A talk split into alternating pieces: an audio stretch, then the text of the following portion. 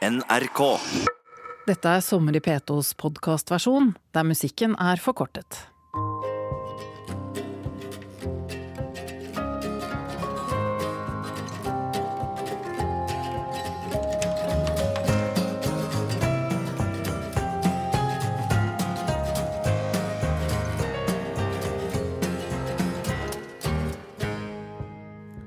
Jeg er en 32 år gammel mann. I motsetning til de fleste andre menn har jeg aldri vært en gutt. De første 20 årene av livet mitt levde jeg som en jente. Så lenge som jeg har vært mann, har jeg også vært aktivist. Jeg har kjempa for transfolk sine rettigheter og menneskeverd. De siste ti årene har jeg holdt foredrag om trans, skrevet en mastergrad om trans, blogga om trans og stilt opp i en lang rekke intervjuer og debatter. Jeg bruker ordet trans om mennesker som ikke er det skjønnet man gjetta at vi skulle bli. Når man er annerledes, sånn som jeg er, så får man ofte spørsmål om hvem man er, og hvorfor man er som man er. De samme spørsmålene igjen og igjen. Alle later til å vite nøyaktig det samme. Hva het du før? Har du tatt operasjonen? Når forsto du at du er en mann? Hvordan tok foreldrene dine det? Hvordan kan du være sikker på at du er en mann? Hvorfor ble du trans? De samme spørsmålene igjen og igjen. I et spørsmål ligger det alltid en antakelse om verden og et krav om en forklaring. Hvorfor må jeg alltid brette ut livet mitt når andre slipper? Noen ganger svarer jeg med samme mynt. Hvordan kan du være sikker på at du er en mann? Når fant du ut at du er en mann? Andre ganger bare svarer jeg. Nesten på autopilot leverer jeg svar. Noen ganger langt fra sannheten, andre ganger nærmere. Små historier som passer til den situasjonen jeg er i. Jeg lagde en historie for offentligheten, en historie for fremmede jeg møter på fest, en historie for legene, en historie for familien min. I alle historiene jeg har fortalt andre, har jeg glemt å lage en historie for meg selv. Jeg heter Luka Dalen Espeseth. Jeg skal ikke svare på alle spørsmålene folk har stilt meg, men heller prøve å fortelle noe som er sant om meg. Velkommen til mitt sommer i P2. Så hva er egentlig min historie? Jeg vet ikke lenger hva som faktisk er sant, fordi jeg har svart på så mange spørsmål så mange ganger. Som transperson har jeg utvikla min identitet i en verden som stort sett består av cis-folk, altså dem av oss som opplever at de er det skjønner de blir registrert som ved fødsel. Min virkelighet er ikke så lett tilgjengelig og forståelig for cis-folk, så jeg måtte finne på svar mennesker uten min livserfaring kan forstå.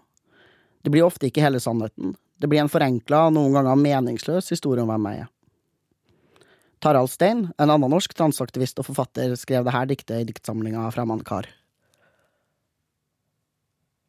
Ikke bare én gang, som i skriftestolen, vitneboksen, må du tømme din sjel, men mange ganger, på ny og på ny, til bare fiksjonen finnes att. Det kjennes ut som jeg er fiksjon. Diktet beskriver hvordan det oppleves for de av oss som er annerledes. I min offentlige historie har jeg alltid vært maskulin. Det gjør det nemlig lettere for dere å tro på at jeg er en mann. Fordi folk tror at mann og maskulin hører naturlig sammen. Flere ganger i mitt liv har jeg sagt som liten lekte jeg med biler heller enn dukker. Det er løgn. Som liten lekte jeg med mange forskjellige leker. Jeg er født på slutten av 80-tallet, den tida da 68-erne fortsatt var idealister og feminister. Vi ble ikke plassert like tydelig i rosa og blå bokser som det barn blir i dag. Jeg har aldri vært interessert i biler, men biler har uansett ikke noe med konseptet mann å gjøre. Om så skulle være tilfellet, fantes ikke menn før 1886, da Carl Benz tok patent på verdens første bil. Og siden jeg er genuint uinteressert i biler, måtte jeg bruke internett for å finne ut akkurat det. Da fant jeg også ut at Bertha Benz, som var gift med Carl Benz, i grunnen var hjernen bak bilen og bilens suksess. Om gifte kvinner hadde kunnet tatt patenter i 1886, ville kanskje Bertha Benz vært den som fant opp bilen. Og kanskje det å like biler da hadde vært en veldig feminin og kvinnelig ting. Det hadde vært fint, så kunne jeg sluppe å lage en historie om at jeg likte biler da jeg var barn, for å forsvare at jeg senere i livet skulle bli en mann. Setningen 'jeg er mann fordi jeg liker biler' gir ingen mening. Samme om det var en kvinne eller en mann som oppfant bilen. 'Jeg er mann fordi jeg har penis' er også en setning som i seg selv ikke er logisk. Alle menn har ikke penis, og ikke alle med penis er menn. Dermed er ikke setningen 'jeg er mann fordi jeg har penis' sann. Om penis i seg selv naturlig førte at eieren ble en mann, og vagina på sin side førte at innehaveren ble kvinne, så hadde ikke transfolk funtes. Men det gjør vi. Om penis var det som gjorde gutta til gutta og menn til menn, så hadde vi ikke trengt å oppdra gutta som gutta. Voksne hadde ikke trengt å si guttefarge, tøffe gutta griner ikke, mann deg opp, gutta kan ikke gå i kjole, osv. Vi er så opptatt av å oppdra barn til et spesifikt kjønn fordi vi dypest inne vet at genitaliene deres ikke er nok. Jeg lurer fortsatt litt på hva motivasjonen er. Hvorfor er vi, eller dere, da, så uendelig opptatt av at menn må ha penis og oppføre seg på en spesifikk måte? Er dere redd for å måtte reflektere over deres egen atferd og livsvalg? Jeg er mann. Se, der har du en setning som faktisk gir mening. En setning som inneholder alt man trenger å få sagt om det å være mann. Jeg er mann, derfor er jeg en mann. If you want a lover, I'll do anything you ask me to. And if you want another kind of love, I'll wear a mask for you. Den første sommeren jeg husker, var den sommeren jeg hadde vannkopper over hele kroppen. Inni munnen, inni øynene og på tissen. En altomfattende kløe. Det var nok første gangen jeg var ordentlig bevisst min egen kropp. Den var så voldsomt til stede hele tida. Jeg var naken hele den sommeren. Noen ganger hver dag ble jeg ropt inn for å få kroppen smurt inn i hvitt gørr. Jeg var en kritthvit kropp med røde prikker. En hvit barnekropp med røde prikker. Det var min kropp, men jeg følte og tenkte ikke at det var en jentekropp. Det var aldri mine ord eller min opplevelse av denne kroppen. I 1998 gikk Fucking Åmål på kino. Jeg var elleve år og så filmen med min beste venn Ragnhild. Jeg tror vi bestemte oss for å bli lesbisk samme dag. Selv om vi nok visste at lesbisk ikke var det samfunnet ville at vi skulle være, så virka lesbisk utrolig mye bedre enn det her heterofile som vi ble pressa inn i uten at noen engang hadde fortalt oss hva det het. Siden ordet lesbisk virka forlokkende på meg, må jeg på et eller annet plan ha tenkt at jeg var en jente. På samme tid later det til at jeg ikke var spesielt bevisst det her, tre år seinere, da jeg begynte på ungdomsskolen og forelska meg i Marte, klassen min. Hun hadde langt rødt hår, og jeg var så forelska at jeg bare måtte si det høyt i en nattetime. Jeg er forelska i deg. Lite visste jeg om at det var ensbetydende med å faktisk være lesbisk. Lesbisk eh, viste seg å være kulere på svensk film enn på en middels stor ungdomsskole i Trondheim på begynnelsen av 2000-tallet. Der andre skeive ungdommer ofte forteller historier om hvordan de fant ut at de var skeive, for så å bruke masse tid på å tenke på det her før de sa det høyt, så innså ikke jeg engang at det å forelske seg i en jente kunne oppfattes som noe negativt av mine omgivelser. Kanskje var jeg naiv, kanskje hadde jeg da, som nå, minimalt med impulskontroll, eller så kanskje jeg rett og slett ikke forsto at jeg og Marte liksom skulle ha samme kjønn. Læreren min ble så stressa av å ha en åpent lesbisk elev i klassen at de hoppa over det ene avsnittet i boka om homofili. Det kunne jo oppleves veldig personlig og nært for meg. Det var jo leit for meg og de fire andre skeive elevene i den klassen, som ikke hadde sagt at de var skeive, og dermed ble antatt å være heterofil, selv om de sikkert ikke hadde sagt at de var det heller. Eller kanskje det ikke var så leit at det avsnittet ble hoppa over. Det sto bare at mange homofile ungdommer har det vanskelig, at det for noen bare er en periode, og at man i Norge er veldig snill med de homofile, sammenligna med folk i andre land der man kunne bli drept for å være homofil. Det sto ingenting om det å være transkjønna i min lærebok på ungdomsskolen. Det skulle faktisk gå nesten ti år før jeg hørte om at det fantes transfolk i det hele tatt. Jeg hadde jo sett mennesker som var transkjønna i en og annen film, men det var stort sett ekstreme lidelseshistorier som latterliggjorde transfolk. Filmer om transfolk er ofte skrevet av cis-folk, for cis-folk, og rollefigurene våre spilles av cis-folk som har et annet kjønn enn oss. Har du sett Boys Don't Cry? Det er en film basert på livet til den usanske transmannen Brandon. Han ble brutalt voldtatt og drept av tre menn fordi de synes at transkjønna menn er så frastøtende at han fortjente å dø på den mest nedverdigende måten som finnes. I filmen The Crying Game sjekkes en kvinne opp av en mann på bar. De blir med hverandre hjem, og da mannen, som for øvrig sjekka opp denne dama på en skeiv bar, oppdaga at hun har en annen type genitaler enn han forventa, så kaster han opp. Så frastøtende er visst transpersoner sine kropper. Nesten alle transfolkene jeg så, var kvinner, og jeg visste ikke at det fantes transkjønna menn før jeg var over 20 år gammel. Så jeg drakk meg gjennom ungdomsåra, fikk dreads, hang med andre freaks og hørte på musikk jeg egentlig ikke likte, men som i det minste ikke var det alle de andre kjedelige straighte folkene hørte på. Det her er Sommer i P2. Jeg heter Luka Dalen Espeseth og bruker denne radiotimen på å si noe sant om meg selv, som transperson som levde de første 20 årene av livet mitt som jente, og som nå er en mann. De av oss som er transkjønna, eller som på andre måter lever uvanlige liv, får ofte mange spørsmål om hvem vi er, og hvorfor vi har blitt som vi har blitt. Det er ikke alltid like lett å svare på når man lever et liv uten manus. Alle de historiene jeg hadde lest i bøker, sett på film og i verden rundt meg, var historier om folk som ikke ligna på meg. Hvordan skal man forstå seg selv og se for seg et liv og en framtid når man aldri har sett mennesker som seg selv? Jeg tror ikke jeg så for meg å bli en ekte voksen før jeg en dag traff en mann som skulle åpne verden og livet på en helt ny måte for meg. Det var 17. mai 2009. Jeg var 22 år, i en park i Trondheim, iført brun dress og med en pils i hånda. Han het Benjamin og var den første transmannen jeg møtte i mitt liv. Vel å merke som jeg visste at var trans. Frem til den dagen hadde jeg, som de fleste andre, antatt at alle rundt meg var cis-folk. 8143 dager gikk jeg rundt på denne jordkloden uten at noen hadde fortalt meg at kvinne var noe jeg faktisk kunne slippe å bli. Jeg kunne gå fra å være jente til å bli mann. Det føltes ikke bare som et sånn du kan gjøre det her, eller du kan gjøre det her-mulighet. Det føltes ut som forskjellen på ingenting og noen ting. Det ble plutselig noe i det her tomrommet som de voksne har kalt framtida. Så jeg hang med Benjamin, nesten hele tida, og jeg stilte ham nok alle de dumme spørsmålene jeg hater å få selv i dag. Og han svarte på alle som en. Og i hodet mitt var det litt kaos, men også en helt enorm lettelse.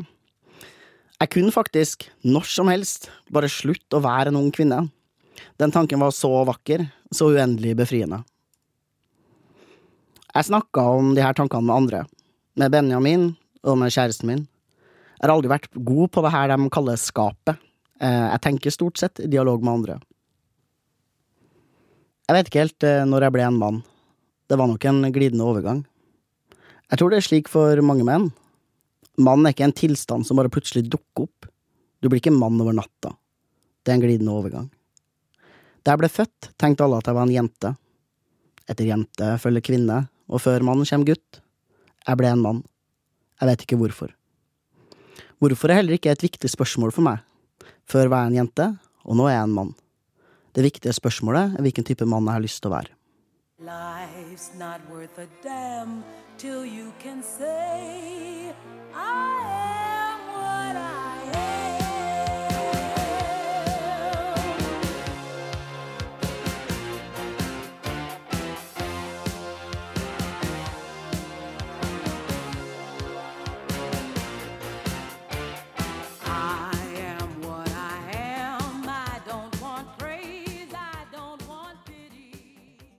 Da jeg begynte å lage dette programmet, hadde jeg et mål om å fortelle min egen historie. Eller i det minste en historie som ikke var tilpassa andres krav og forventninger. En annen historie enn den jeg har fortalt så mange ganger før. Jeg traff Benjamin da jeg var 22 år gammel, så jeg kan ikke ha kommet ut som mann før jeg var minst 23. Når jeg leser intervjuer med meg selv, så ser jeg at jeg sier at jeg var 18 år da jeg første gangen tenkte jeg er en mann. Er jeg glemsk? Tolker jeg fortida i lys av den kunnskapen jeg har nå, eller løy jeg? Svaret er at jeg løy, og jeg løy med overlegg. I Norge er det sånn at vi behandler cis-folk og transfolk ganske forskjellig. Om en cis-skjønna kvinne ønsker seg større bryster, trenger hun bare være over 18 år og ha penger til det. Om en cis-skjønna gutt ikke kommer i puberteten fordi han produserer for lite testosteron, så får han det testosteronet av legen sin. Han må ikke vente han er 18, eller betale for det selv. Jeg forstår begge disse tingene som kjønnsbekreftende inngrep. Det fremstår som opplagt for oss at menn må få lov til å gjennomgå en maskuliniserende pubertet, og at det er en belastning for kvinner å ha veldig små pupper. Det bare gjelder ikke for oss som er trans. Det finnes ingen objektivt måte å finne ut av hvem som er trans på. Legene har ingen diagnostiske verktøy som kan gjøre dem sikre. Det de kunne ha gjort, var å tro på transfolk på samme måte som de tror på cis-folk, men det tør de ikke, fordi transfolk aldri blir behandla som likeverdige cis-folk. Aldri. I stedet har de gått for en modell der de leter etter likhet. Vi har gitt kjønnsbekreftende behandling til transfolk i Norge siden 1950-tallet. Legene valgte noen folk etter noen kriterier og ga dem behandling. Og så så de at det funka ganske bra. Så valgte de noen nye folk til behandling, basert på likhet med dem som hadde fått behandling før. Det virker jo rimelig og logisk, det, men det er to store problemer med denne modellen, sånn utover at den faktisk mistror og sykeliggjør transkjønna mennesker. Denne modellen legger til grunn at de som ikke har fått helsehjelp, aldri skulle hatt det, men det er det ingen som har sjekka. Den legger også til grunn at transfolk er helt utrolig lite intelligent, og at vi ikke snakker sammen. En hvilken som helst transperson kan lese en diagnosemanual, en veileder for helsepersonell eller snakke med andre transfolk. Derfor vet vi selvfølgelig hva som er lurt å si, og hva som ikke er lurt å si for å få den helsehjelpa vi trenger. Transfolk har organisert seg på denne måten siden 50- og 60-tallet. Vi hjelper hverandre i en verden som ikke hjelper oss. Så jeg løy. Så det rant av meg. Jeg sa at jeg hadde følt meg som mann i mange år. At jeg ikke brukte genitalene mine til sex fordi jeg hata kroppen min så voldsomt. Jeg sa at jeg var heteroseksuell og kun likte kvinner. Jeg sa at jeg lekte med biler da jeg var liten. Jeg sa så utrolig mye tull for å passe inn i deres modell. Hadde jeg vært ærlig, hadde jeg aldri fått kjønnsbekreftende behandling i Norge. I Norge oppgir 80% av transpersoner at de har hatt selvmordstanker. Av dem her så er det 90% som sier at de hadde før de fikk kjønnsbekreftende behandling, og bare 10% etter. Hadde jeg vært ærlig da, tror jeg ikke at du hadde hørt stemmen min på P2 nå.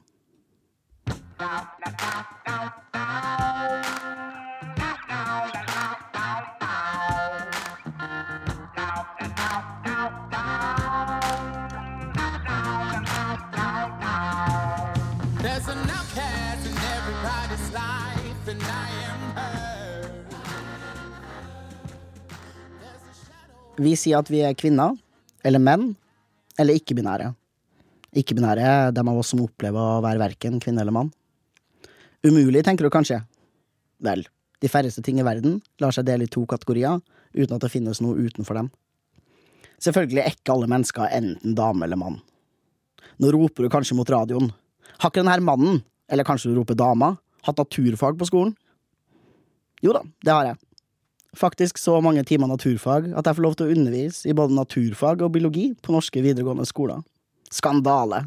Tenk hva jeg kan lære barna dine om biologisk mangfold. Mange mennesker produserer sædceller, og mange mennesker produserer eggceller, men ikke alle produserer sæd eller egg. Kjønn i naturen er produksjon av forskjellige typer gameter som kan smelte sammen og lage nye individer. Kjønn i samfunnet vårt er ikke sæd og egg. Når jeg sier mann, så tenker ikke du sædprodusent, og så ingenting mer. Mann er noe annet, og noe mer enn et menneske som produserer sæd. Produksjon av sæd er både usynlig og irrelevant i de fleste av livets sammenhenger. Så hva med å lytte til det vi sier, istedenfor å tenke så mye på tissen vår?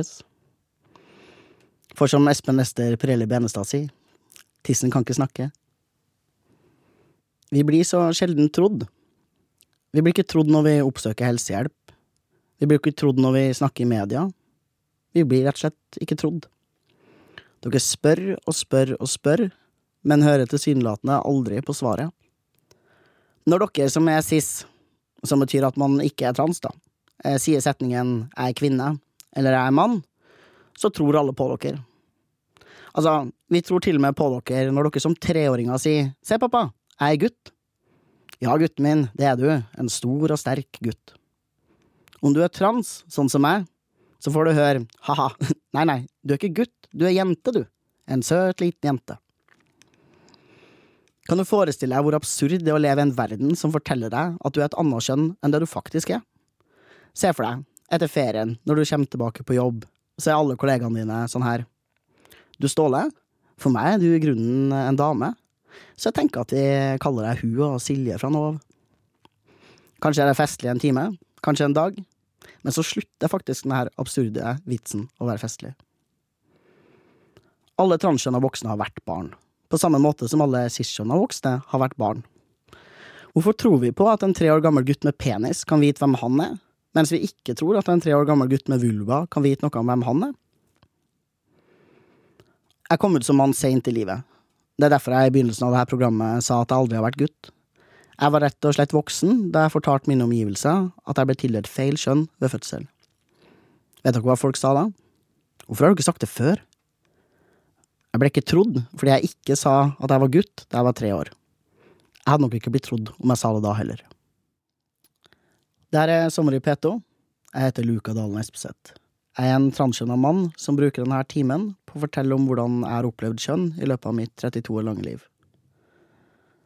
Den kjekke fyren som jeg egentlig bare vil ta med meg hjem, spør om jeg alltid har visst at jeg er mann. Ja, sier jeg. Det har jeg alltid visst. Det er ikke sant, men det høres veldig flott ut. Forresten så har ikke jeg lyst til å ha denne samtalen. Jeg sa ikke jeg er trans, så still meg alle de spørsmålene du vil. Jeg sa bare at jeg er trans, fordi jeg, som alle andre transfolk, vet at noen cis-folk blir sur om vi ikke forteller det til dem. Vi som er trans, vet at cis-folk kan utgjøre en reell voldstrussel. Den volden rammer oftest transkvinner, men den rammer også transmenn. Cis-folk som banker oss, ene og alene fordi vi er trans. Det å utsette noen for vold fordi de er trans, ikke strengere straff, slik som det gjør om du slår ned noen fordi de har melaninrik hud eller bruker rullestol. Noen steder får du faktisk mindre straff om du dreper noen fordi du fant ut at de er trans.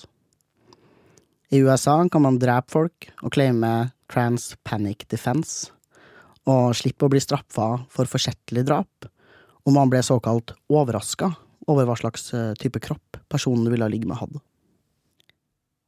Kanskje du som lytter til det her ikke engang forferda nå, fordi du også synes det er helt legitimt at jeg, i motsetning til deg, må informere om hvilke type genitalier jeg har, før jeg sjekker opp noen på fest.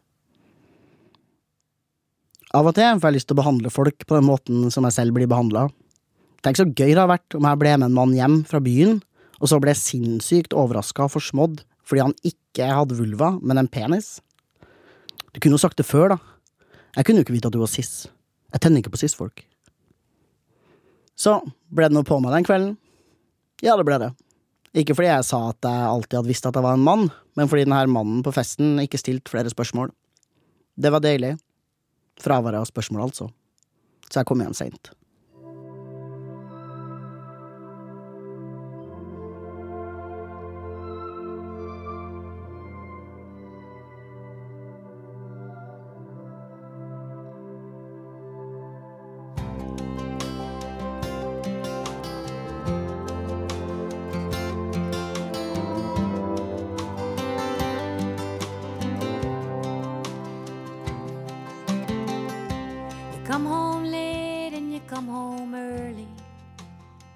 Det har alltid vært et mål for meg å ikke være sårbar eller for personlig i offentligheten. For meg har det her alltid vært en politisk kamp, og selv om det personlige alltid er politisk, så har jeg nettopp ønska å flytte fokus vekk fra mine genitalier og over på de strukturene i samfunnet som diskriminerer transpersoner generelt. Derfor har jeg engasjert meg i den politiske bevegelsen, som nedlatende blir kalt transbevegelsen av dem som misliker oss. Jeg jobber også som rådgiver på Kjønnsmangfold i FRI, Foreninga for kjønns- og seksualitetsmangfold. Men nå er jeg sliten. Selv om jeg aldri egentlig har delt mitt indre liv i offentligheten, så er jeg helt tynnslitt. Jeg er utslitt av å måtte argumentere for at transfolk finnes, for at vi burde ha de samme rettighetene som alle andre, og jeg er utslitt av alle de vonde historiene. Jeg er lei av garderobedebatten, debatten om juridisk skjønn, debatten om hvorvidt vi burde få kjønnsbekreftende behandling, debatten om hvorvidt eh, vi burde dekkes av hatkriminalitetslovgivninga, og om hen er et ord vi skal bruke om de folkene som ønsker det sjæl. Lei av cis-folk som roper at vi må ta debatten, og som så insisterer på å debattere på et så lavt og kunnskapsløst nivå at jeg nesten begynner å le. Alle skal få delta i debatten, men det har vært fint om transfolk for en gangs skyld kunne sette agendaen, og at vår kunnskap og erfaring faktisk ble lytta til. De fleste transfolk har lest så mye medisin og kjønnsteori at vi kunne hatt en bachelor lett. Det føles som et uendelig hav av motstand og lidelse, og jeg rammes så sykt hardt hver gang noen av mine rammes. Det gjør så vondt hver gang en fortvila ungdom tar kontakt. Jeg orker ikke engang å begynne å fortelle om hvor mye smerte transfolk opplever. Mobbing, latterliggjøring, manglende helsetilbud og diskriminering. Lista er så lang. Men noen ganger noen ganger så ser jeg til nytte. For en stund siden fikk jeg denne meldingen i innboksen min. Jeg gikk rett forbi det her om dagen, og har ikke klart å la være å tenke på det siden. Det er litt over fem år siden jeg satt og så på NRK-dokumentaren Mann uten penis, på rommet med skjermen vendt bort fra døra, med øreklokka, om og om igjen. Jeg er så glad for jobben du og Kristine Marie Jentoft gjør. Hun er en transkvinne og aktivist. Dere gir meg muligheten til å være i fred, fordi dere kjemper for meg. Jeg er ikke åpen om at jeg er trans. Jeg er for sliten, lei av alle spørsmålene, såra av alle årene som var så vond.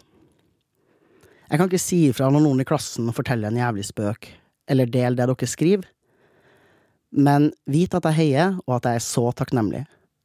Også for den lille gutten som var veldig redd og usikker, og som så dokumentaren din og følte seg litt mer sett og litt mindre alene. Da griner jeg og tenker at det er verdt det, at jeg kan orke litt til, og for eksempel eh, si ja til å lage dette programmet. Kanskje noen som trenger det, hører på akkurat nå. Om du er trans, så vit at du ikke er alene. Vi finnes her, og vi skal ta imot deg sånn som du er.